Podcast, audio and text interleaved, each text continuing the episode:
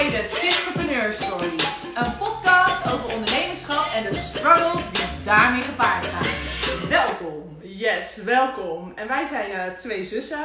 We zijn alle twee ondernemer en wij zijn dus een podcast gestart. Maar we gaan ook elke week live met een andere ondernemer om te vragen over zijn ondernemerschap en zijn of haar struggles. Eh, daarover straks meer. Ook vandaag hebben we een hele leuke gast. Uh, maar ik zal me eerst even kort voorstellen. Ik ben in ieder geval Femke. Ik ben de oudste zus. Ik ben freelance content marketeer. En dat houdt eigenlijk in dat ik bedrijven en ondernemers help met het vergroten van hun online zichtbaarheid. Zodat ze daarmee meer uh, business kunnen binnenhalen en ja, kunnen laten zien wat ze te bieden hebben. Ja, mijn naam is Nanda. Ik heb een zangschool. Dat heet Zangstudio Nanda Akkerman. En wij geven R&B zanglessen aan zangers met ambitie die met een boost van zelfvertrouwen op het podium willen staan. En we hebben het natuurlijk over de struggles van het ondernemerschap. Dus altijd in de Insta Live vragen we even aan elkaar um, wat de struggle was van afgelopen week. En ik kan je wel al vertellen dat mijn struggle was de combinatie van zon en werk.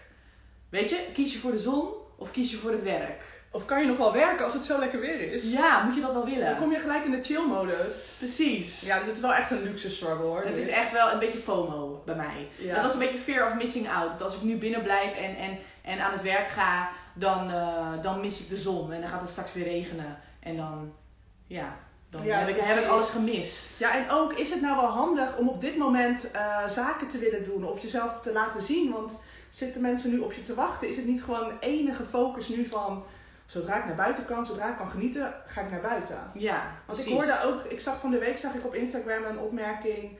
Uh, voor tien uur bloot, handel dood. Wat?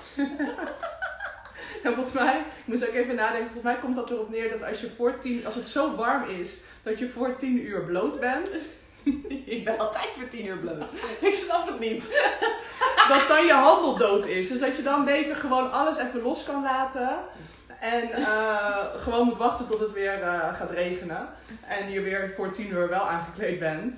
Dus, uh, dus ik heb ook vandaag wel tegen een opdrachtgever gezegd. Want die had, we hadden afgelopen week een video geëdit. Mm -hmm. En uh, tekst was klaar. Dus het is nu klaar om gepubliceerd te worden.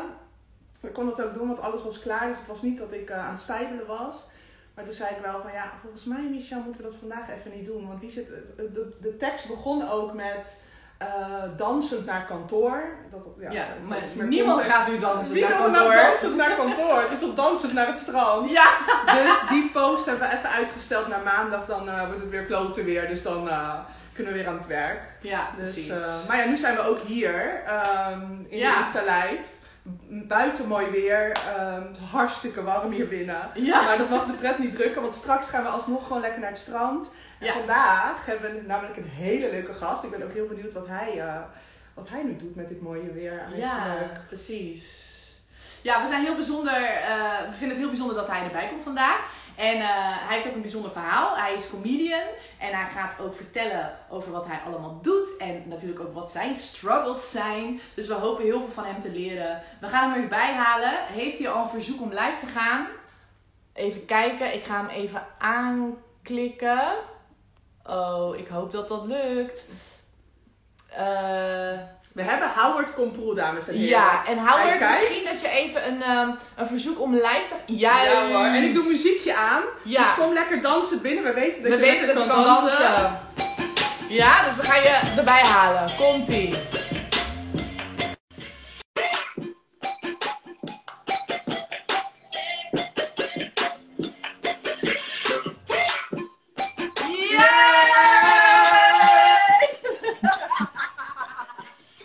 Brap, brap, brap, brap, brap. Ja, ja, ja, ja. We doen gewoon nog even extra. Ja. Woe! Loepa, loepa, loepa, loepa. Hoi, welkom. Dankjewel. Wat leuk dat je er bent. Hoor je ons goed? Zeker, horen jullie mij goed? Ja, ja. ook zeker. Absoluut. Okay. Ik doe eventjes ietsje hoger, dat wij goed in beeld zijn. Want Ja. jij, jij, jij pakt nu ook een beetje ons, ons beeld. Ja. Yes. Wat natuurlijk de bedoeling is. dus, eh Hoe gaat het met je? Eh, ik ben een beetje aan het uithijgen, want ik heb vanochtend getraind en het was Oh. veel heter dan ik had gedacht. Ik denk, ik ga gewoon 's ochtends, weet je wel. Maar Ja. het was al 1, 22 graden, joh. Ah, Dus je dat wel was wel even heftig. gehydrateerd? Zeker uitermate veel water gedronken. Dus Oh, dat heel is, goed, heel goed. Nou, dat is Netjes. belangrijk. Netjes. Dus zo, lekker dat jij al uh, bij de hele situatie afgelopen maanden doorgesport? Of ben je nu Ja. weer dat je denkt, oké. Okay. ja, ik heb geen coronakilo's erbij gekregen. Ah, Oh, super. top. Hmm. Nou, Top. goed bezig. Ja. Maar even voor de kijkers thuis. Ik denk veel mensen kennen jou. Um, maar ja, vertel nog even wie je bent en wat je doet. Ik ben Howard. Ik ben uh, 48 alweer. Ik ben trotsvader van een opstandige tweeling van 17. Eén eigen, twee dames. Daarnaast ben ik comedian. En vanuit dat, com dat, dat comedian zijn komen er heel veel andere dingen op mijn pad. Uh, daarnaast ben ik groot liefhebber van heel erg lekker eten. Dat heb ik vormgegeven middels een YouTube-dingetje dat heet Kom Proeven. Uh, en dat wordt eigenlijk steeds breder. Dat is ooit begonnen vanuit onvrede over wat de, de voedselindustrie doet met Surinaams eten. En dat is zich langzaam door gaan ontwikkelen. En deze zomer maak ik een serie over barbecue. Lekker slim. Ja. En daarnaast ben ik ook al jaren zelfstandig ondernemer eigenlijk. Per ongeluk een soort van vanzelf geworden. Ja. En uh, ben ik al meer dan 25 jaar ja, zelfstandig ondernemer in het culturele veld. En verzin ik allerlei nieuwe dingen om uh, ja, toch gewoon uh, bezig te blijven, mijn geld te kunnen verdienen. Dat gaat lekker. Oké, okay, klinkt Ja. goed. Positief. Zeker. Ja, en hoe gaat het nu met je business? Hoe is het de afgelopen tijd vergaan? Nou, lastig, want uh, alle events werden gecanceld. Dus daarmee Ja. ook uh, alle optredens die ik had staan. Ja. Uh, toen kwam er ook nog eens achteraan dat de hele zomer gecanceld werd met alle festivals waar ik uh, normaal gesproken werk. ja. Dus dat was uh, helemaal balen. Mhm. Ik heb het geluk dat Toemler, de plek van Comedy Train, 1 juni weer open is gegaan. Oké. Uh, en met de, de restricties die er nu gelden, mogen dus 30 mensen per show. En doen we twee shows op één avond. Mm. En 1, 1 juli mag je 100 mensen, mits je dat uh, kwijt kan met je vierkante meters. En dan komen wij, denk ik, zo tussen de 50 en de 60 uit. Doen we alsnog twee shows op een avond. Dus uh, daarmee is het werk weer begonnen. Mhm. En daarnaast had ik in de afgelopen periode wel wat online dingen die bleven staan die ik doe in het onderwijs. Oké, te gek. En uh, ik ben een beetje gaan freestylen met, uh, met komproeven en zo. Dat levert natuurlijk niet direct geld op, maar het is wel Nee. iets om te doen. En dat je in elk geval agenda hebt en een reden hebt om op te staan. Naast het vele sporten en de kids een beetje begeleiden met dat, uh, dat ja, schoolwerk wat ineens vanuit huis ging. Hele dagen aan de keukentafel met twee laptops, oortjes in en dan allebei hun lessen proberen te volgen. Ja, ja, Dus dat was nog best wel pittig. Ja. Ja. Oké, dus je hebt jezelf wel uh, bezig gehouden met andere dingen die je doet, maar het viel wel tegen qua evenementen. Ja, En zeker. hoe, hoe, hoe ging jij daar mentaal mee om? Zeg maar, was het echt van, ja, dat je echt een beetje depressief werd? Of uh, hoe, hoe was dat voor jou toen je hoorde van, hey, de komende maand, maanden kan ik even geen uh, shows geven? Nee, nou, dat, dat was heel erg vervelend. En het is ook wel een periode gehad dat ik daar moeilijk mee had. Maar tegelijkertijd besef ik dat het niks anders is dan de realiteit. En het is niet zo dat ik als enige niet mag optreden. Dat had ik veel vervelender gevonden. Ja, het is ja, gewoon ja. collectief, niemand. Het kon gewoon niet. Ja. Dus ja, dan, uh, dan is het kwestie van je erbij neerleggen en op zoek naar uh, andere dingen om te doen. Ja, En precies. Toen werd, werd al vrij snel duidelijk dat het uh, per 1 juni allemaal wat soepeler werd. En op het Ja. moment dat je weer zicht hebt op werk, dat je dus zoiets hebt van, oh, kan, ik kan het alweer aanraken, er staan weer gigs in mijn agenda. Ja, Ja, ja, dat, uh, dat geeft uh, ook wel weer een goed gevoel. Ja, precies. Dan weet je dat het, eh, je weet gewoon, het is niet persoonlijk of omdat de shows niet goed zijn, dat je Nee, daardoor precies. niet gevraagd. Dat zou veel pijnlijker zijn. Het is gewoon Zeker, dat ja. het vanwege de volksgezondheid niet kan. ja. Precies dat, Ja. ja. Maar dan moet je straks dus twee shows op een avond geven. Nou, het is fijn dat dat kan. Ja. uh, in die zin. Want, maar dat moet dus omdat er minder mensen in de zaal kunnen. Dat lijkt me ook wel intensief. Nou kijk, op zaterdag hebben we in Toender altijd twee shows. Want dan hebben we een reguliere show en een midnight uh, show, de late night. Dus, ja. dus ik ben dat wel gewend. Het is nu wel even pittig, omdat de eerste show begint al om half zeven. En dat, dat is heel vroeg. Uh, normaal gesproken beginnen we half negen. En dan hebben we half zeven tot acht. Dan gaan we even dicht, tent helemaal schoonmaken. En dan gaan we half negen weer open. En dan hebben we half negen weer open, negen uur de tweede show. Ja, dat is, uh, of half tien, sorry, begint de tweede show. Dat is dan wel pittig en die is dan elf uur klaar. Dus je Ja. bent echt van zes tot, tot kwart over elf sta je vol in je focus. Ja. Maar daarom is het fijn dat ik ben gaan sporten en dat ik de hele periode heb gebruikt om uh, toch fit te blijven. Dat ik daar nu niet aan onderdoor ga. Nee, nee, Nee. precies. Je bent opgeladen en je bent sterk om dat aan te kunnen. Ja, zeker. Ja. Ja, en is het ook zo dat de mensen in het publiek dan mondkapjes moeten dragen? Nee, ze hoeven geen mondkappen te dragen, maar ze moeten wel uh, bij twee aan een tafel. En ze worden Oh, ja. van tevoren, is er de triage. Dus er wordt Ja. er gevraagd of ze koorts hebben, of ze de afgelopen periode ziek zijn geweest. Ze Ja. moeten allemaal online eh, reserveren, zodat ze ook eventueel terug te vinden zijn, mocht dat nodig, mocht Ja. dat nodig zijn. Dus ja, je merkt wel dat het streng is. En normaal zitten er 150 mensen in de tent en nu 30. En dat voel je ook wel. Tegelijkertijd noem ik het daarmee de COVID-19 VIP-shows. En zeg ik, we hebben elke avond 30 mensen geselecteerd die de shows bij mogen wonen. En dat zijn Ja. jullie. Dus Ja, dan draai je hem een beetje om. Ja, en dat is eh, ook leuk. ze komen ook allemaal handenwrijvend binnen. Omdat ze natuurlijk hun handen moeten desinfecteren. Ja, Maar dat geeft ook zo'n gevoel van, nou, wij hebben er zin in. Ja! Dus precies, dat is hartstikke er lekker. Lachen hè? vanavond. Ja. Ja, precies dat idee. Oké, cool. Maar betekent dat dan ook ehm, wat voor jouw gage of voor de inkomsten? Want dan kunnen er minder, minder mensen. Je hoeft geen prijzen te noemen of iets. Nee, maar... nee, nee, kijk, wij hebben als collectief gewoon besloten om de comedians gewoon te betalen. We hebben ook te maken met jonge getalenteerde comedians die net de keuze hebben gemaakt om hier fulltime voor te gaan, hun baan hebben gelaten. Mm. En ja, dan kost het even geld, maar we zijn als organisatie gelukkig zo gezond dat we dat wel kunnen leiden. En ja, als je een comedyclub bent, dan moet je ook open en dan moet je ook gewoon comedy bieden. Dat is, dat is Ja. onze core business, dus dat is wat we doen. Ja. Ja. En er zijn, eh, worden de kaarten ook verkocht? Want eh, oké, er kunnen 30 man binnen, maar durven Nou, mensen kijk, dat al aan? Het voordeel is dat we altijd uitverkocht zijn. Dus we waren al uitverkocht. Dus wat je nu ziet is dat we vooral mensen die we hebben moeten cancelen, ja, bieden van oké, willen jullie komen kijken. Dus we hoeven nog niet eens nieuw publiek aan te boren. Oh, we zijn ja. nu nog bezig met de achterstand op de, eh, weg te werken van, eh, Ah, van de Ja, lockdown. precies. Die hadden al kaartjes gekocht voor vorige Juist. shows en die komen Ja. dan nu alsnog. Juist. Oh ja, oké. Ja. Nee, dat Dat is fijn. Oh, dat is wel fijn om dan ook Ja. zo lekker te beginnen. Ja, dat je dan absoluut. gewoon eh, niet helemaal opnieuw from scratch ook eh, publiek hoeft te werven. Klopt. Ja, nee, dat klopt.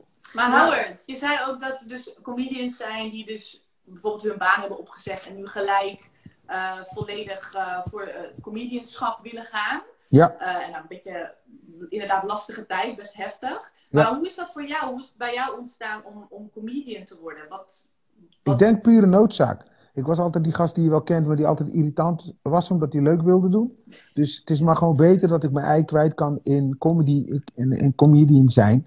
Want anders had je misschien wel aardig gevonden, maar als je, als je met haar ziet, dan zou je denken, oh, daar heb jij hem wegwezen. Ja, ja, Want ja, ik heb gewoon die behoefte om, om grappig te zijn, weet je. Dat, daar kan ik niks aan doen. En zo rond de twintigste ongeveer heb ik besloten om daar gewoon serieus mee om te gaan. Kijk, ik ben ooit begonnen bij jullie in Rotterdam om de hoek. In, eh, in jeugdtheater eh Zuidplein, of zo Hofplein. Ja, ja, ja. En op de Balletmavo in Kralingen. ja. En het eerste theater waar ik ooit in stond, dat was Zuidplein. Was ik een boykie van 12 jaar. En eh. Ja, want ik zat op de Balletmavo in Rotterdam. ja. Dus Maar dat, eh, dat had dan nog niks met comedy te maken. nee, nee, maar er was Nee. niks anders Toen naar de stond je al op het basisschool. podium op die Er manier. was Ja. niks anders. Dus ik dacht, nou, dan ga ik dat gewoon lekker doen. Nou kan ik wel een beetje bewegen, maar ik ben duidelijk geen balletdanser. Want kijk mijn beren. Dus, eh, dus dat ging hem even niet worden. Maar toen heb ik wel gewoon, ik ben tot mijn zeventiende ballet blijven dansen. Ik ben jeugdtheater gaan doen. Ik heb allerlei producties gespeeld toen ik jonger was. Maar ik wist toen nog niet dat stand-up comedy bestond. Ik kende wel cabaret. De Nederlandse traditie met liedjes en piano en zo. Ja. Maar dat, ja, dat, dat onderdeel eraan sprak mij niet aan. Nee. Ik heb altijd moeite gehad met van die gasten die dan lekker grof zijn op het podium. En dan gaan ze ineens heel gevoelig een lied zingen over een konijn. Dat je denkt, ja, eh, wie ben je nou? Weet je wel, schizofreen. Beetje identiteitscrisis. Ja, Ja, ja. en eh, zo rond me, ik denk dat ik een jaar of ne- 18, 19, misschien iets jonger was. Toen kreeg ik videobanden uit Amerika. En daarop zag ik comedians die korte optredens gaven. Def Comedy Jam van Russell Simmons met Ja, DJ ja. Kid Capri. Ja. En toen dacht ik, maar dit kan gewoon. Je kan gewoon een paar minuten op een podium staan, fatsoes breken. Wat En jij dat al dan- doet, kan van Ja. het podium zeg En maar. dat is dan gewoon je werk. Ja. Ja. Toen dacht ik, nou, dat ga ik doen. En toen ben ik het gewoon maar gaan doen. Ik ben, ik ben zelf plekken gaan creëren om het te kunnen doen. En het was toen nog vooral in het uitgaanscircuit. Imperium heb ik vroeger heel veel gestaan. Ja. En mensen kwamen natuurlijk helemaal niet voor een comedian. Je had in die tijd wel dat er dance crews waren, of van die sound crews. In ja. Rotterdam had je eh, veel van dat soort crews ook. Hè? En je had Ja. die, die Control, die danste. En, eh, en ja, allemaal van die zangdingen. Maar ineens was daar een comedian. En Def deed ook wel iets soortgelijks. Maar Ja. dat had toch nog wel heel veel eh, met muziek te maken. Het was toch nog wel heel muzikaal. Daar heb je Def gewoon- Rhymes, toch? Ja, precies, precies. Ja. Maar mijn ding was gewoon muziek uit, stilte. En ik begon te praten. En daar, Ja. in, die scene heb ik het geleerd. En dat was wel heftig. Was je, Ja. dan, was je dan een van de eerste in Nederland die dat Denk dan het eh, wel, introduceerde? Denk het Oh, wel. ja. Ja, Bij wel in die, zeker in die scene. Ben je Zeker. ook al hier in Comedy Club Hou geweest? Ja, daar heb ik opgetreden. Ja, zeker. Ja. Ja.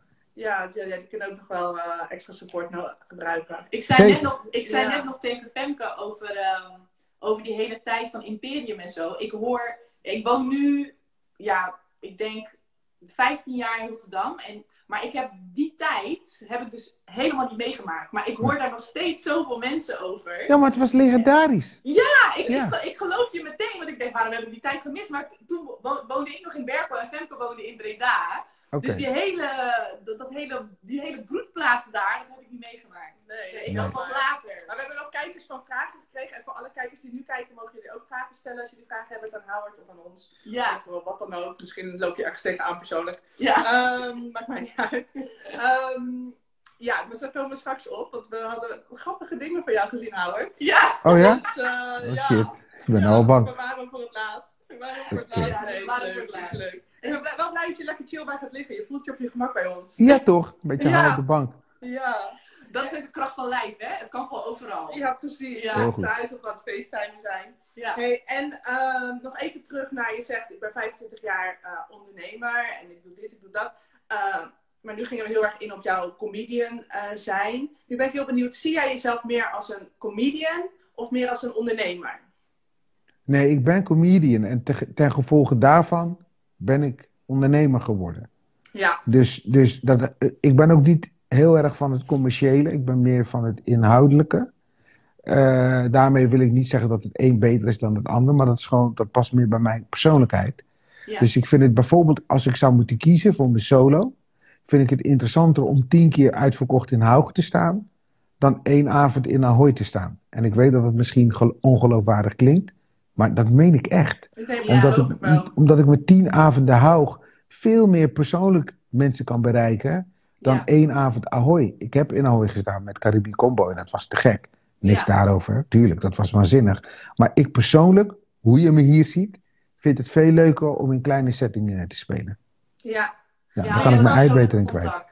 Ja, ja, intimiteit is misschien leuker dan eh, dat je heel veel mensen eigenlijk gewoon eigenlijk niet ziet. Het is gewoon een massa die je dan ziet. ja nee, zeker, dat is het Ja. precies. Ja. Ja, oké. En ehm, hoe, hoe gaat het ondernemen jou af? Want je zegt het inhoudelijke vind ik interessanter dan, nou, dan dus het zakelijke deel. Maar je hebt ondernemer moeten worden om jouw vak te kunnen beoefenen. Ja, zeker. Ehm, ben je Ja, belangrijk- ondernemer belangrijk geworden? Of, Ja, of heb kijk- je daar mensen voor die jou daarbij helpen? Nou, precies, dat is het. Hè? Dus ik denk dat een goede ondernemer, die maakt ook de slimste keuzes. En eh, dus je moet je omringen met mensen die bepaalde dingen uit handen kunnen nemen. Kijk, als je net begint met whatever je ook doet, dan doe je ook nog vaak je eigen onderhandelingen. Dat is gewoon helemaal geen goed idee. Want mensen gaan dan toch appelleren op, joh, doe het voor jou, hè? het is voor je promo ook goed. En dan krijg je een blikje Fernandes en een portie eten en dan mag je Ja. lang blij zijn. Ja, Maar zo werken die dingen niet, want je hebt de Nee. kwaliteit en je levert iets. En dan moet, gewoon, dan moet gewoon iets tegenover staan. Dat heeft gewoon waarde. En die waardering die moet kloppen. Nou, het is heel moeilijk om zelf als performing artist ook die onderhandelingen te moeten voeren. Dus daar moet je mensen voor hebben. En die mensen adviseer je dan weer om op een bepaalde manier om te gaan met je belasting. Of, eh, of ga je dat jaarlijks doen, ga je dat maandelijks doen. Eh, en eh, vaak is het theaterseizoen, dat loopt, eh, dat is geen hetzelfde als een boekjaar. Een boekjaar is januari tot december. Ja. Maar onze seizoenen zijn van september tot en met mei. Dus dan zit je weer met een gebroken boekjaar. In het begin ben je daar helemaal niet mee bezig, sta je daar niet bij stil. Maar dan blijkt in één keer dat de belasting hier wel zo eh, aanslaat. Nou, dat zijn dingen die moet je leren. En daarom is het belangrijk dat als je weet dat je bepaalde dingen niet goed kan, durf je dan te omringen door mensen die dat wel goed eh, kunnen. En zorg dan dat je mensen vindt die je vertrouwt. En dan kun je dat loslaten, zodat je nog meer overhoudt aan tijd om je te kunnen richten op het artistieke en het inhoudelijke. Ja, precies. Ja, ook ik denk dat je misschien ook nog wel zelf voor een andere persoon, dat geldt voor mij in ieder geval. eh, ik kan voor andere personen kan ik heel goed onderhandelen. Maar als het om jezelf gaat, dan is het ook moeilijk om jezelf dan op waarde te schatten. En als je ja, op jou appelleren van ja, maar dan kan je lekker je promo doen en dan mag je doen wat je wilt. Dan ben je al heel snel je denkt, oké, nou goed, voor jou dan. Precies, ja. Ja. ja, ja, Dus dat is niet de bedoeling. dat nee, precies. Maar dan heb je, maar je bent toch niet gelijk, je zat toch niet gelijk in die luxe positie dat je daar al iemand voor kon, of Nou, het, is eigenlijk, dat, dat, is- gelijk? dat is heel per ongeluk gegaan. Je moet wel beseffen, dit was in de jaren negentig, hè. Dus toen hadden we geen mobieltjes met bankapps en dat soort dingen. Het is allemaal zoveel makkelijker nu. Dus ik, had, ik woonde toen eh, bij mijn ouders. En ik had een eigen telefoonlijn. Maar die mensen werden er doodziek van dat er zo vaak gebeld werd voor, voor klusjes. Dus ik had mijn eigen telefoonlijn op mijn kamer. En ik ging op vakantie. En toen had ik mijn vader gevraagd: wil je dan s'avonds mijn antwoordapparaat afluisteren? En dan opschrijven wie er gebeld heeft. Want anders raakten we al die berichten kwijt. Nou, dan kwam ik terug van vakantie. En dan was er een waslijst met dingen.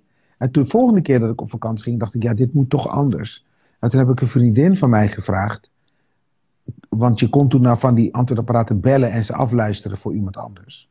En dat deed zij. En toen ik terugkwam, had zij ook al gelijk onderhandelingen gevoerd. En hier en daar wat prijsafspraken gemaakt. En zij deed dat ook voor haar werk, want zij deed eh, advertentieverkoop voor een magazine. En, en toen dacht ik, hé, maar dit heeft ze best wel goed gedaan. En zo is mijn eerste management ontstaan. Hmm. Eigenlijk vanuit een soort van per ongeluk. Is zij dat toen gaan doen. Heeft toen een bedrijfje opgestart en deed uiteindelijk zelfs het management van eh, Postman en eLife en dat soort gasten. Ah, Ja, Dus dat was heel ja. grappig. Dat is, dus kan je nagaan hoe lang dat geleden is. Heb ik het echt over back in the day. Ja. Ja. En eigenlijk heb ik vanaf toen wel altijd begeleiding gehad in die vorm. ja, precies. Oh, dat is wel heel fijn. Dus Ja. eigenlijk heeft zij jou geholpen met comedian zijn, of commercieel comedian zijn. Ja. En jij hebt haar geholpen met een hele nieuwe Ja, ja.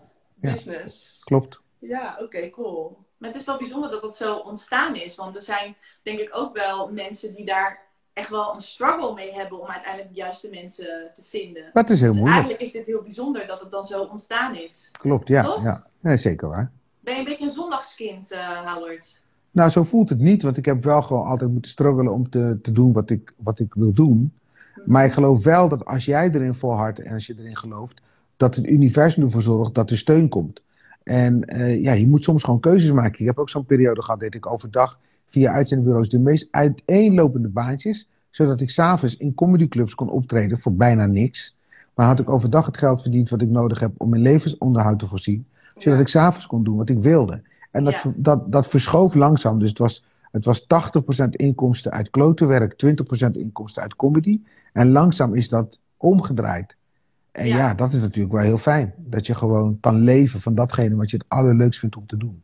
Ja, precies. dus het is bij jou geleidelijk aangegaan. Wat dat Zeker, betreft. ja. ja. Ja, en in die periode dat je, mm, dat je dus daarmee naar aan het toewerken was, wat, wat was daarin dan de grootste, grootste struggle? Wat vond je daar lastig in? Nou kijk, in die tijd was stand-up comedy nog niet bekend. Dus ik moest altijd uitleggen wat het was. Ik moest Ah. altijd uitleggen van ja, het is een soort cabaret. Maar dan ben je in je eentje en je gaat improviseren met datgene wat het publiek geeft. Maar ja, het publiek gaf nog niet zoveel in die tijd. Want dan zit van hè, wat is dit voor rare theatervorm waarbij we helemaal in het hier en nu zijn. Dat waren mensen ook niet gewend. Dus, dus ja, dat is waar ik tegenaan liep. Het feit dat het zo onbekend was. Je was echt een mensen pionier. ja, we waren echt aan pionieren met de groep gasten. En, eh, en dat is in de loop van de tijd veranderd. En nu staat cabaretier boven in het linker rijtje van wat mensen willen worden. En heb je gewoon plekken als Toemler en Club Haug, waarbij de code al direct duidelijk is. Je ja. koopt weken van tevoren een kaartje, je weet waar je naartoe gaat, je weet hoe je moet opstellen, je weet wat er van je verwacht wordt, je weet wat jij kan verwachten van wat er geleverd wordt. Ja, Ja. dat was in de tijd dat ik optrad, toen ik begon, echt heel anders. Je hebt gewoon Ja. een productontwikkeling gedaan eigenlijk. Ja.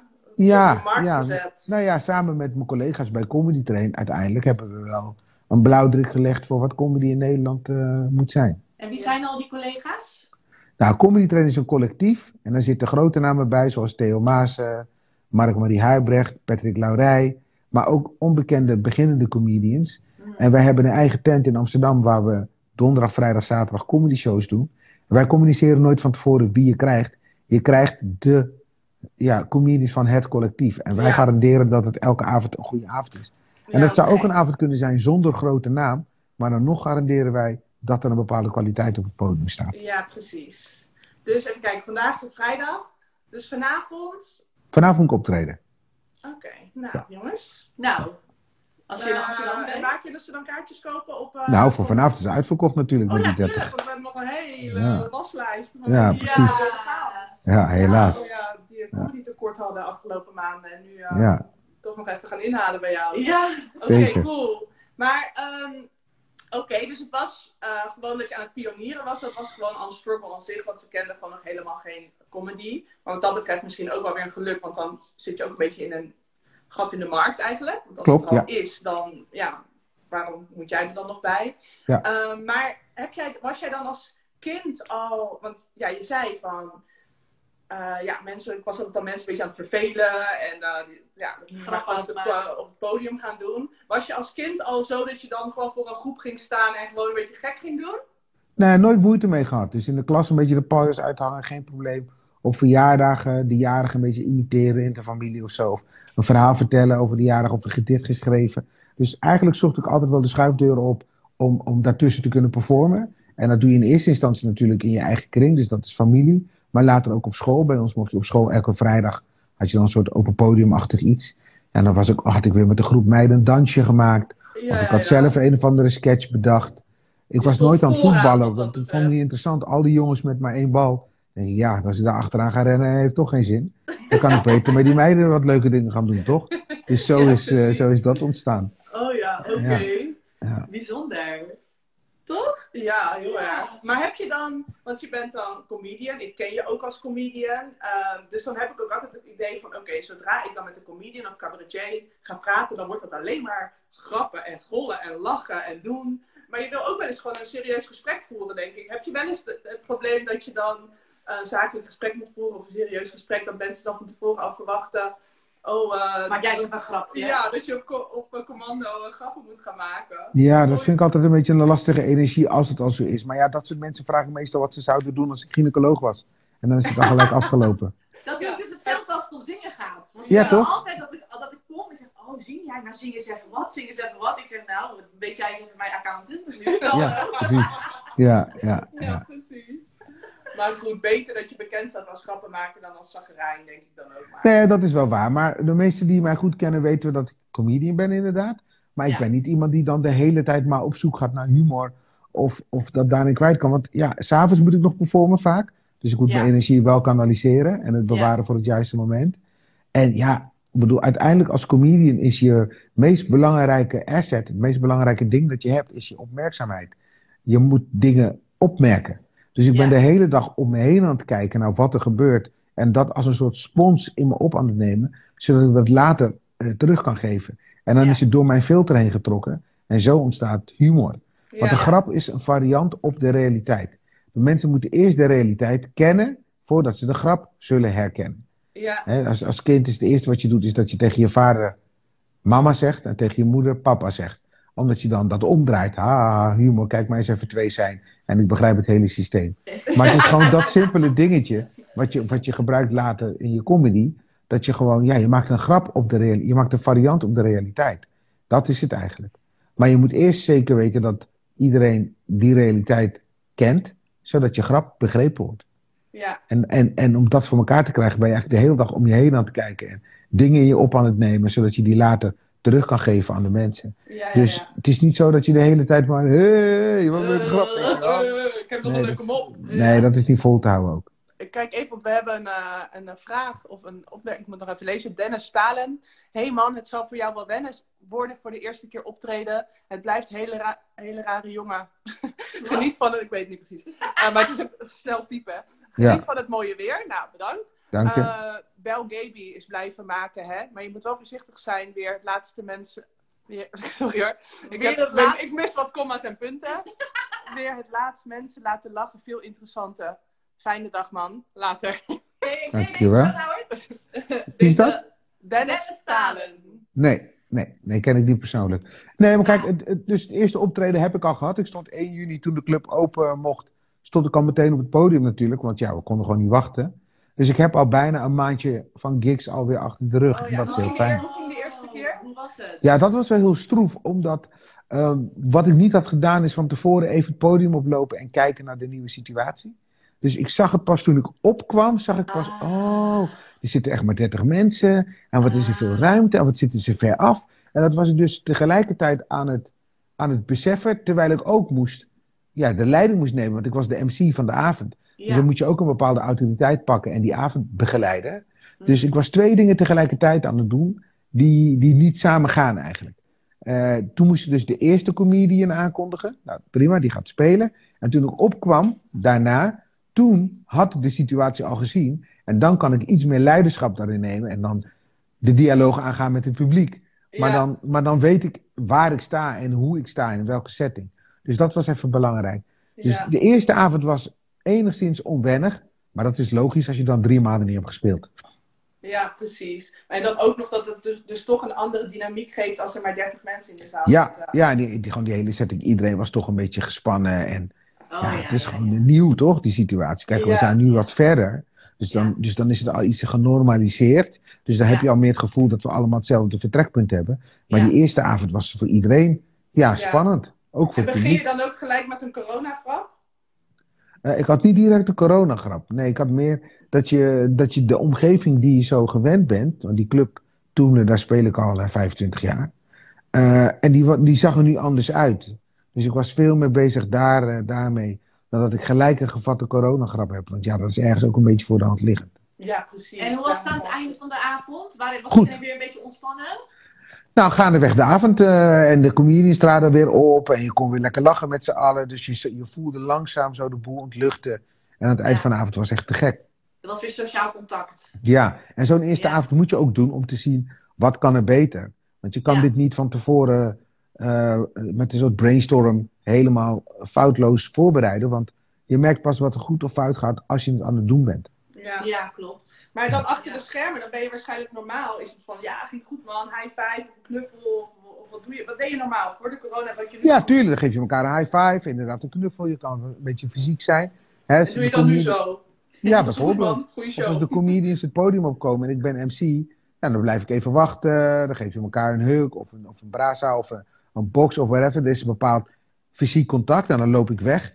Maar, en dan kruis je elkaar, maar dat mag nu allemaal niet. Dus ik kom van de ene kant op. Was, Ja, ik moet het in beeld brengen. Ik kom van die kant op, Ja. zo daar. En de comedian komt van daar. Ja, dit kan ik nog niet zo goed. Ja, Dan ja, ja, moeten ik altijd lachen. Dus de comedians komen van hier, ik kom vanaf daar. Dus ik loop op, ik kondig ze aan en ik loop weer weg. Dan is het podium even leeg en dan komt van die kant de comedian op. Ja, dat was Ja. vroeger nooit, weet je wel. Dan kon je gewoon lekker blijven staan en was Ja. het podium nooit echt leeg. Maar ja, je moet gewoon die anderhalve meter in de gaten houden. En we Ja, vijf microfoons staan, zodat elke comedian zijn eigen microfoon pakt. Vroeger waren we lekker met z'n allen in datzelfde ding aan het blaffen. Precies, maar dat kan niet meer. En tussen de shows worden die dingen losgeschroefd, worden ze even, even schoongemaakt. Ja, ja, ja. Er komt wel Dus veel ja, bij kijken. Er komt veel ja. meer bij kijken inderdaad. Ja, Ja. ja. Oh, we hebben een mooie vraag binnengekregen. Oké, kom maar door. Van Roberta. Evalueer jij na afloop je optreden alleen of met professionals? Oh, Nou, dat is dus de grap. Dat is het unieke van eh, het collectief Comedy Train. Wij Ja. evalueren altijd na de show. En daar hebben we ook een systeem voor. Dus als je aan de beurt bent, hè, want je hebt gewoon een volgorde van spelen. Nou, dus ze beginnen meestal met de MC. Hoe was de MC? Heeft hij het goed gedaan of niet goed gedaan? Of hoe ging je met bepaalde situaties om? Nu is dat even minder aan de hand. Maar vroeger, als er dan bijvoorbeeld een, eh een vrijgezellenfeest is. En met iemand ver- verkleed in een of ander Maya erbij pak. Die willen een bepaalde vorm van aandacht. Nou, dat willen wij niet hebben, want wij zijn centraal. Dus Ja. hoe ga je daar dan mee om als MC? Nou, dan gaan we naar de eerste comedian. En die moet in eerste instantie zijn bek houden. En dan zeggen de collega's van, oké, ik zag dit, ik hoorde dat, misschien moest je zus en zo. En dan kun je daar nog even op reflecteren en dan gaan we naar de volgende.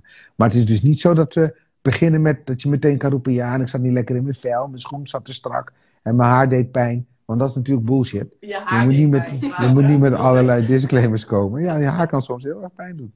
Dus, eh, dus het gaat niet om, om, om jouw smoes. Het gaat meer om dat je leert van wat je collega's tegen je zeggen. Een ander ding is Ja. dat we in Toomler een systeem hebben dat eh, alle optredens worden gefilmd. Dus je Oh, krijgt na de gig automatisch in je e-mail je optreden per WeTransfer. Oh, Dus je slim. kunt thuis gelijk kijken Maar en of ook? luisteren. Ja, Vind je dat niet regelmatig. confronterend? Nee, maar kijk, in mijn vak ben je natuurlijk wel gewend naar jezelf te kijken, want dat is wat je doet. Ja, maar was je vanaf dag één, vond je dat, al, vond je dat nooit confronterend? Nou, kijk, ik heb natuurlijk, omdat ik op jonge leeftijd al die theateropleidingen deed, was dat altijd een onderdeel, spiegeloefeningen en dat soort dingen. Dus Oh, ja. als je er op die manier mee opgroeit, dan is het niet raar. Nee, precies. Nee. je En- kan, en- kan er en- wel redelijk objectief naar kijken. In Ja. plaats van dat je denkt, oh, die stem. Of, eh, Nee, nee, ik weet wel dat ik een beetje een eh, natuurlijk nasaal stemmetje heb. En, dat is nou helemaal zo. Ja. En eh deal in it. Nee, maar vaak is het zelfs zo dat ik, ik persoonlijk vind, als ik eh, een optreden van mezelf analyseer, doe ik dat bij voorkeur alleen op stem. Want als ik ga kijken naar mezelf, dan ben ik afgeleid door wat ik aan het doen ben. Ja, Terwijl ik hoor aan mijn stem of het klopt of niet. Kijk, ik praat Ja. met jullie, ik voel me niet op mijn gemak, dus ik zit gewoon in mijn stem. Maar ik hoor mezelf soms bij optredens ook dit doen. Goedenavond, leuk dat jullie... Zie je, dan zit ik al te hoog. ja, Dan is er iets met me aan de hand, in mijn zenuwen, waardoor ik me niet zeker voel. En dan ga ik compenseren met mijn stem. Maar Ja. dan zit ik eigenlijk naast de rails. En als ik dit dan de hele avond doe, dan denk ik, my god, gozer. Oh, ja, get a grip, weet je wel? zo. Ja, ja, Dus dan moet je ja. ergens een punt vinden om terug te schakelen. Take a deep breath. Even normaliseren nou en gewoon normaal doen met je ass. En dat is, eh, dat is moeilijk. Er is niks moeilijkers dan jezelf corrigeren tijdens de performance. Ja, Inderdaad. klopt, klopt, klopt. Ik herken dat. Ik doe Ik dan klink vlog dat en ik geef ook vlogworkshops. Maar ik ben zelf iets minder badass van jongs af aan dat ik graag in de schijnwerper sta. Dus vraag me niet waarom ik dit ben gaan doen. maar goed. Inmiddels doe ik het wel. En kan ik dus nog beter mensen begeleiden die dus ook een beetje introverter zijn dan, eh dan Nanda bijvoorbeeld.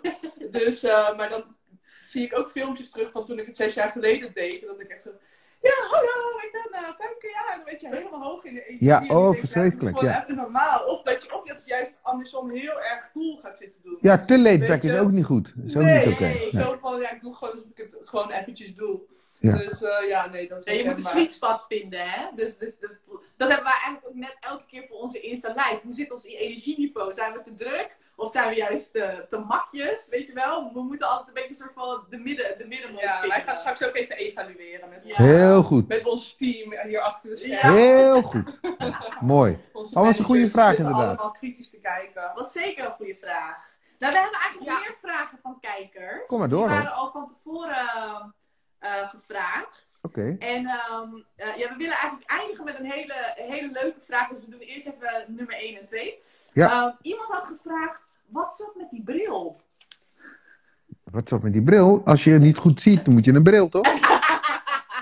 Ja, dat is nogal logisch. Ja, maar je hebt altijd, blijkbaar heb je monturen. Ja, je hebt een heel, altijd hele karakteristieke brillen. Oh, dat hoe, hoe bedoel ben je. je Waarom bij is... gekomen? Ja, is dat dat, is je heel handelsmerk? Het is heel simpel. Het is een, eh, een oldschool merk. En in de jaren 70, toen ik opgroeide, eh, eind jaren 70, zag ik die gasten van Ron DMC en zo. Die hadden allemaal dit montuur op.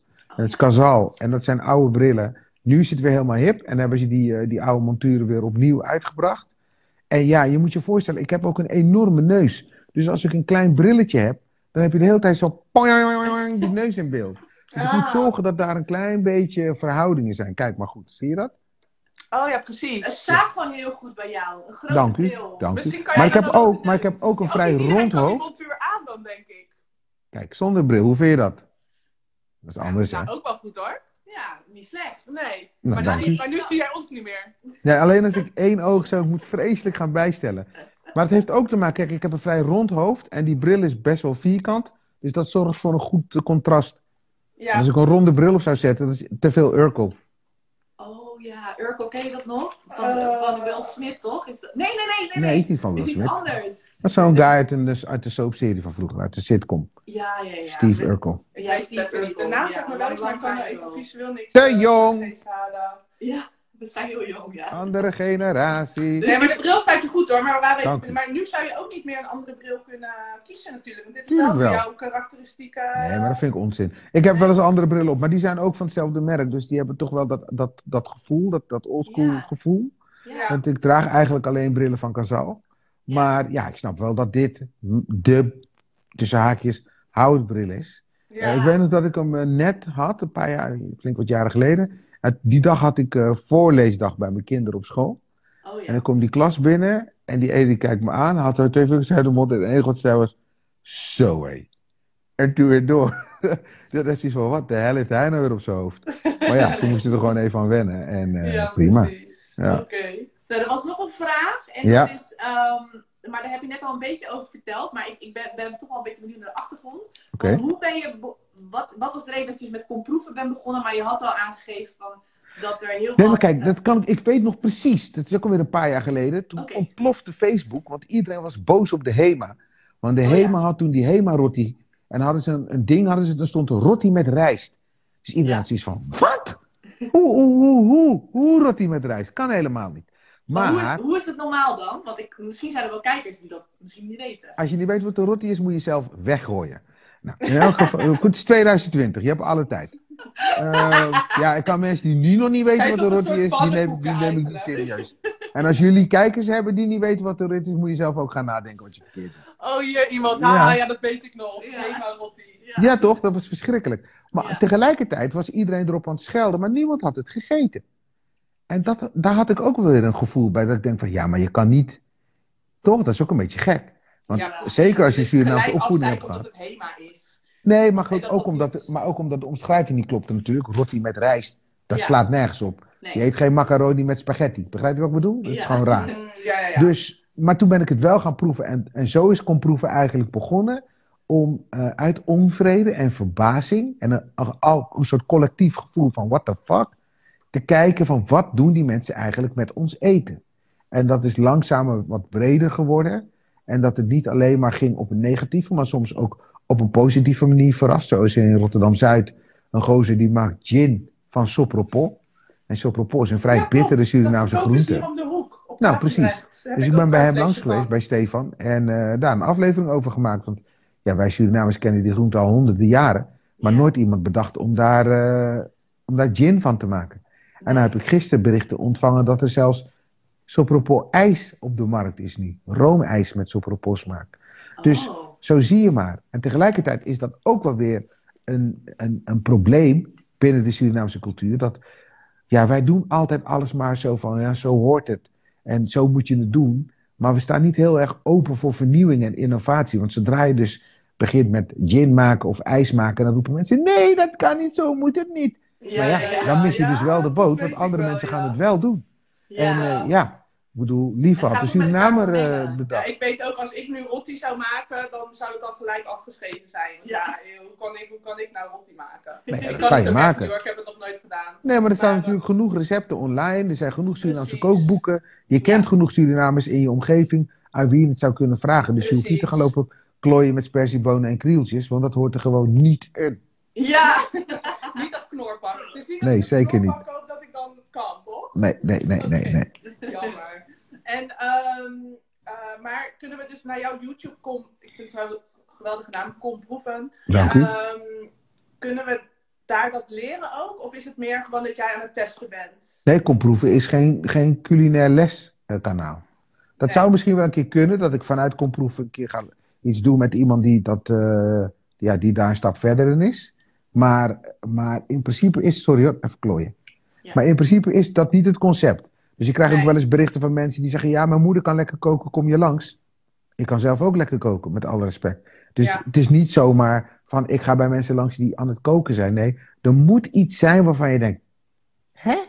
En dat kan positief of negatief, maar er moet een klein what the fuck factortje in zitten. Wil ik, eh, wil ik er een item over maken? Ja, en wat Ja. ga je dan nu met die barbecue eh, situatie doen? Nou, kijk, de- die barbecue situatie dat is ontstaan omdat we deze zomer in principe niet op vakantie gaan. Tenzij je heel erg houdt van risico's nemen, moet je dat vooral doen. Ja. Maar in principe blijven we thuis. En dat betekent dat we dus gaan barbecuen. Dus ik heb een deal gemaakt met een barbecuebedrijf. Ze heten The Bastard. Ze hebben een waanzinnig apparaat. Daarmee ga ik afleveringen maken met allerlei koks. Die je gaan laten zien hoe je op een andere manier kan barbecuen. Dus niet gewoon die worstjes en die prefab eh, hamburgers erop flikkeren. Maar echt op een, op een niveau. Oké, dus dat wordt wel iets meer leren hoe je dan goed Dat wordt wel, ja, maar ja. Maar dat is, dat is dus binnen Komproeven is dat een apart ding. Krijgt ook een Ja. eigen titel. Want die barbecue heet The Bastard. Dus die serie gaat heten eh, The Lucky Bastards. Ah. Hey, hey, hey, hey, hey, Creatief, hey, hey, hey, creatief. hey. Nou, die woordspelingen die, eh, die zitten bij jou wel snor. Ja, dat zit wel eh, tussen neus en lippen. Oké dan. Hé, hey, maar Howard. Hoe zit het nou eigenlijk met die Tori? Tori? Ja, zit eigenlijk met die Tori? zit het met die Tori? Over welke Tori heb je het? ja. Hoe doe jij die Tori? Hoe doe Oh, zo doen wij die Tori. Ah, nou hoor ik het ineens. Ja, dat is ook een fout. Kijk, ik ben natuurlijk ook gewoon muziekliefhebber. En helemaal van 90s R&B, dat is helemaal mijn ding. Mijn kinderen die dat doen altijd van, oh nee, daar heb je hem weer met zijn houterige dansjes. Ja. Maar ja, dat is mijn ding, weet je wel. Dat is de tijd waarin ik ben groot geworden. Ja. En eh, toen zat ik ooit zat ik te denken van, ik wil iets doen. Dus heb ik een cd gemaakt, Howard FM. En daarin heb ik allemaal nummers uit mijn jeugd vertaald naar het Nederlands. En ze opnieuw opgenomen met relevante artiesten. En zo doen wij die Tory is daar een voorbeeld van. Dat is natuurlijk vertaling van This is how we do it. Ja, en heb ik opgenomen met, eh, met replay. Dat was net in die tijd eh, dat Mark er niet was. Dus toen kon ik zijn, zijn gat vullen, letterlijk en figuurlijk. Ja, want vorige keer kwa- kwamen we Gary Mendes tegen. Misschien ken je hem wel, een muzikant uit Rotterdam. Ja. En eh, die had dus de vraag van, ja, wist je dat hij ook een cd heeft gemaakt? Hij heeft ook een cd gemaakt. Ik zeg, joh, hè, dat wist ik helemaal niet. Oh en ja, eh, toen gingen we dus vanochtend even op research. En toevallig had de Grapevine, dat feestje wat vaak in de beurt, in beurt wordt gegeven, wat een superleuk feest is hier in Rotterdam. zeker. Eh, die had het over jou gedeeld. ja, die hadden de CD gedeeld. Heel, heel Oh, zo, toevallig. ze kijken ook mee. Ja. Ja. Oh, wat leuk. Nou, en toen gingen wij natuurlijk online een beetje zoeken. Dus wij hebben vanochtend ook eigenlijk al een onwijs een workout gehad.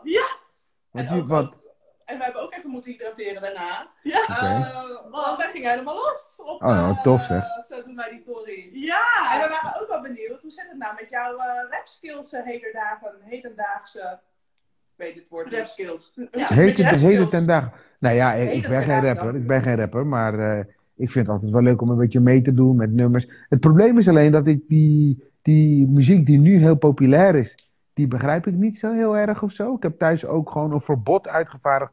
Ik wil geen boef horen en geen Little Kleine. Je mag het best draaien, maar ik wil het niet horen. Ik kan er gewoon niet tegen. Ik bedoel, het is toch wel meer dan... eh, ik heb nog bel te goed, want ik bel te goed. Er zit geen creativiteit meer in, vind ik. Nee, precies. Maar, maar ja, ik ben, ik ben geen rapper, maar ik vind het wel leuk om een beetje mee te babbelen soms toch. Ja. Maar zou je het nog kunnen? Want eh, je zegt, ik ben geen rapper, maar je hebt het wel gedaan. Maar waar, waar doe je nou op dan? Wat, wil- wat wil je gaan doen? Ja, dat je even, even kijken of je dit nog kan. Even kijken, waar was het? Hou, hou het vast, hè? Hou het vast. Komt eraan. Ik ben benieuwd. Wacht even. Doe dat niet zo, broer. Ik ben de man en jij zit maar te knoeien. Van mij, van top tot teen. De billen, de hersens, dat weet toch iedereen? Niks naar rechts. Ex-lover op de beat en Ivan op de tracks. Je kan het checken, dus draai maar je nek. Alleen kijken, kijken, niks kopen, gek. Wat is dit nou weer voor verrassing? Kan het nog? Ja, ik was hem even kwijt halverwege, maar het is echt lang geleden. Dat heb ik tien jaar geleden opgenomen of zo. Ja, nee, dat snap ik. Maar dan vind ik nog knap dat je dat het toch echt nog wel goed opgeslagen. Ja, nou dankjewel. Nee, nou, we we hebben in die tijd ook wel wat, eh, wat live gigs gedaan. En eh, ik zal eens kijken met Grapevine. Misschien vinden zij het leuk dat we daar een keer een avondje wat mee doen of zo. Ja, Ja, dat zou dan leuk zijn? zeker komen. Dat Ja. zou heel leuk zijn. En Ja. ik zag ook onder die post van de Grapevine dat iemand er was die het grijs had gedraaid. En daar had jij ook op gereageerd. Maar Ja. je moet het ook op Spotify gaan zetten, man. Nou, daar ben ik ook mee bezig. Dan moet ik, maar, maar het probleem is, omdat het allemaal covers zijn, moet je daar Ja. weer mee uitkijken. Want sommige mensen willen dat dan weer niet. Weet je wel? Terwijl ik denk, nou ja, gedoe. Weet je niet wie ik ben of zo. Weet je wel? Geen Nee. idee wie ik ben. Nee, maar dat, Ja. is, dat is waar we even mee... eh, Keuzes waar we- maken. ja, we moeten even mee aan de slag. Ja, we moeten gewoon even een mannetje of een vrouwtje vinden die dat gewoon heel makkelijk eh, voor je kan regelen. Heb ik, heb ik. Dus we zijn ermee Oké. bezig. Ja, Nou, we zijn Ja, oké, nou top. Wij Ja. houden ons aanbevolen voor, eh, voor dat feestje, Heel goed. Ja, voor de barbecue, Prima. alles voor de... Voor voor- Nou, over barbecue gesproken. Er is binnenkort wel iets heel tofs in Rotterdam. Op 15 juli in the Garden of Bird. Daar organiseer ik een Jerk Chicken Barbecue Challenge. Want jullie kennen natuurlijk Big Nate met zijn grote bek. Nathan Nate. uit Rotterdam. Als je hem ziet, ken je hem zeker. Kokgozerd. Maar je hebt ook Rewan. Rewan en Nate beweren allebei de lekkerste jerk chicken te maken. Dus op woensdag 15 juli kan je in the Garden of Bird deelnemen aan de barbecue challenge. Zij gaan dus allebei een kippertje maken. Je koopt een kaartje, je krijgt dan muntjes, kun je bij allebei kip halen. En dan geef je aan wie het lekkerste heeft, wat jij het lekkerste vond. En aan het eind van de avond hebben we dan een winnaar. Ja, leuk. En dat ga Oh, jij hosten dus. Jij Ik ga dat eh, hosten en dat doe ik in samenwerking met die, die barbecue vrienden van me. Ah, 15 Powered by the kan je kopen bastard. Dan bij, die kaartjes kan je kopen bij Garden of Bird of bij Bird.nl. zoiets. Ja, ja, ja. Gewoon op de Ja, website van. Beurt en dit is een Facebook event. Ik zal Oh, het dadelijk even delen. Ja, daar gaan we naartoe. Ja, toch? Ja, ja, Ja, helemaal leuk. 15 juli. 15, 15 juli, juli. dames en heren. Ja. Dus, eh, nou, super. Nou, top. Ja. Voordat we gaan afsluiten, ik zie dat we echt allemaal hele toffe kijkers eh, hebben. Dank jullie wel dat jullie hebben gekeken. Follow? Sisterpreneur Stories. En uh, follow Howard Comproe als je dat nog niet hebt gedaan. En eh Howard, wil je misschien nog iets kwijt? Is er nog iets wat je moet zeggen? Nee, ik vond het een gezellig gesprek. Het is niet Ik vaak ook. dat ik zo chill uit op de bank kan liggen en dan toch een soort van bezig ben met mijn werk. Maar dit was heel erg relaxed. Dus eh, nu ga ik even chillen. Wat zal het zijn? Een uurtje of één? En ik hoef vanavond om zes uur in Toemelen te zijn. Dus ik heb een paar uurtjes om even lekker rustig te doen. En eh, Ja. ik ga dadelijk op mijn dakterras eh hangen en chillen. En dan vanavond Ja. knallen. Nou, heel veel succes. Lekker. Dankjewel. En als ik in Ja. Rotterdam eh, een andere gig of performance heb, zal ik het jullie even laten weten. Dan kunnen jullie het laten weten aan je achterban. Ja, gaan we zeker doen. Goed. En, eh, en normaal sluiten wij altijd af met ons eigen tune. Maar nu vonden we het wel lekker om even, zo doen wij die Tori. eh, erbij. Oh, wat lief. Ja, zo gaan we Dus, dus. eh, uh, nu gaan we uit de Insta live. Dus wij gaan eh, ook even onderuit zo. Ja. Heel goed. Je moet, je moet even. Ah, misschien, nee, we moeten niet van de bank afkomen. Dat lukt niet met deze. met, een, met een telefoon. Ja? Ready? Ja, Nee, zeker. we gaan gewoon wel staan. Oh god, nee, kan, kan, zo kan alles missen. oh, wacht. Wat een wilde types, man. Breng de tent af.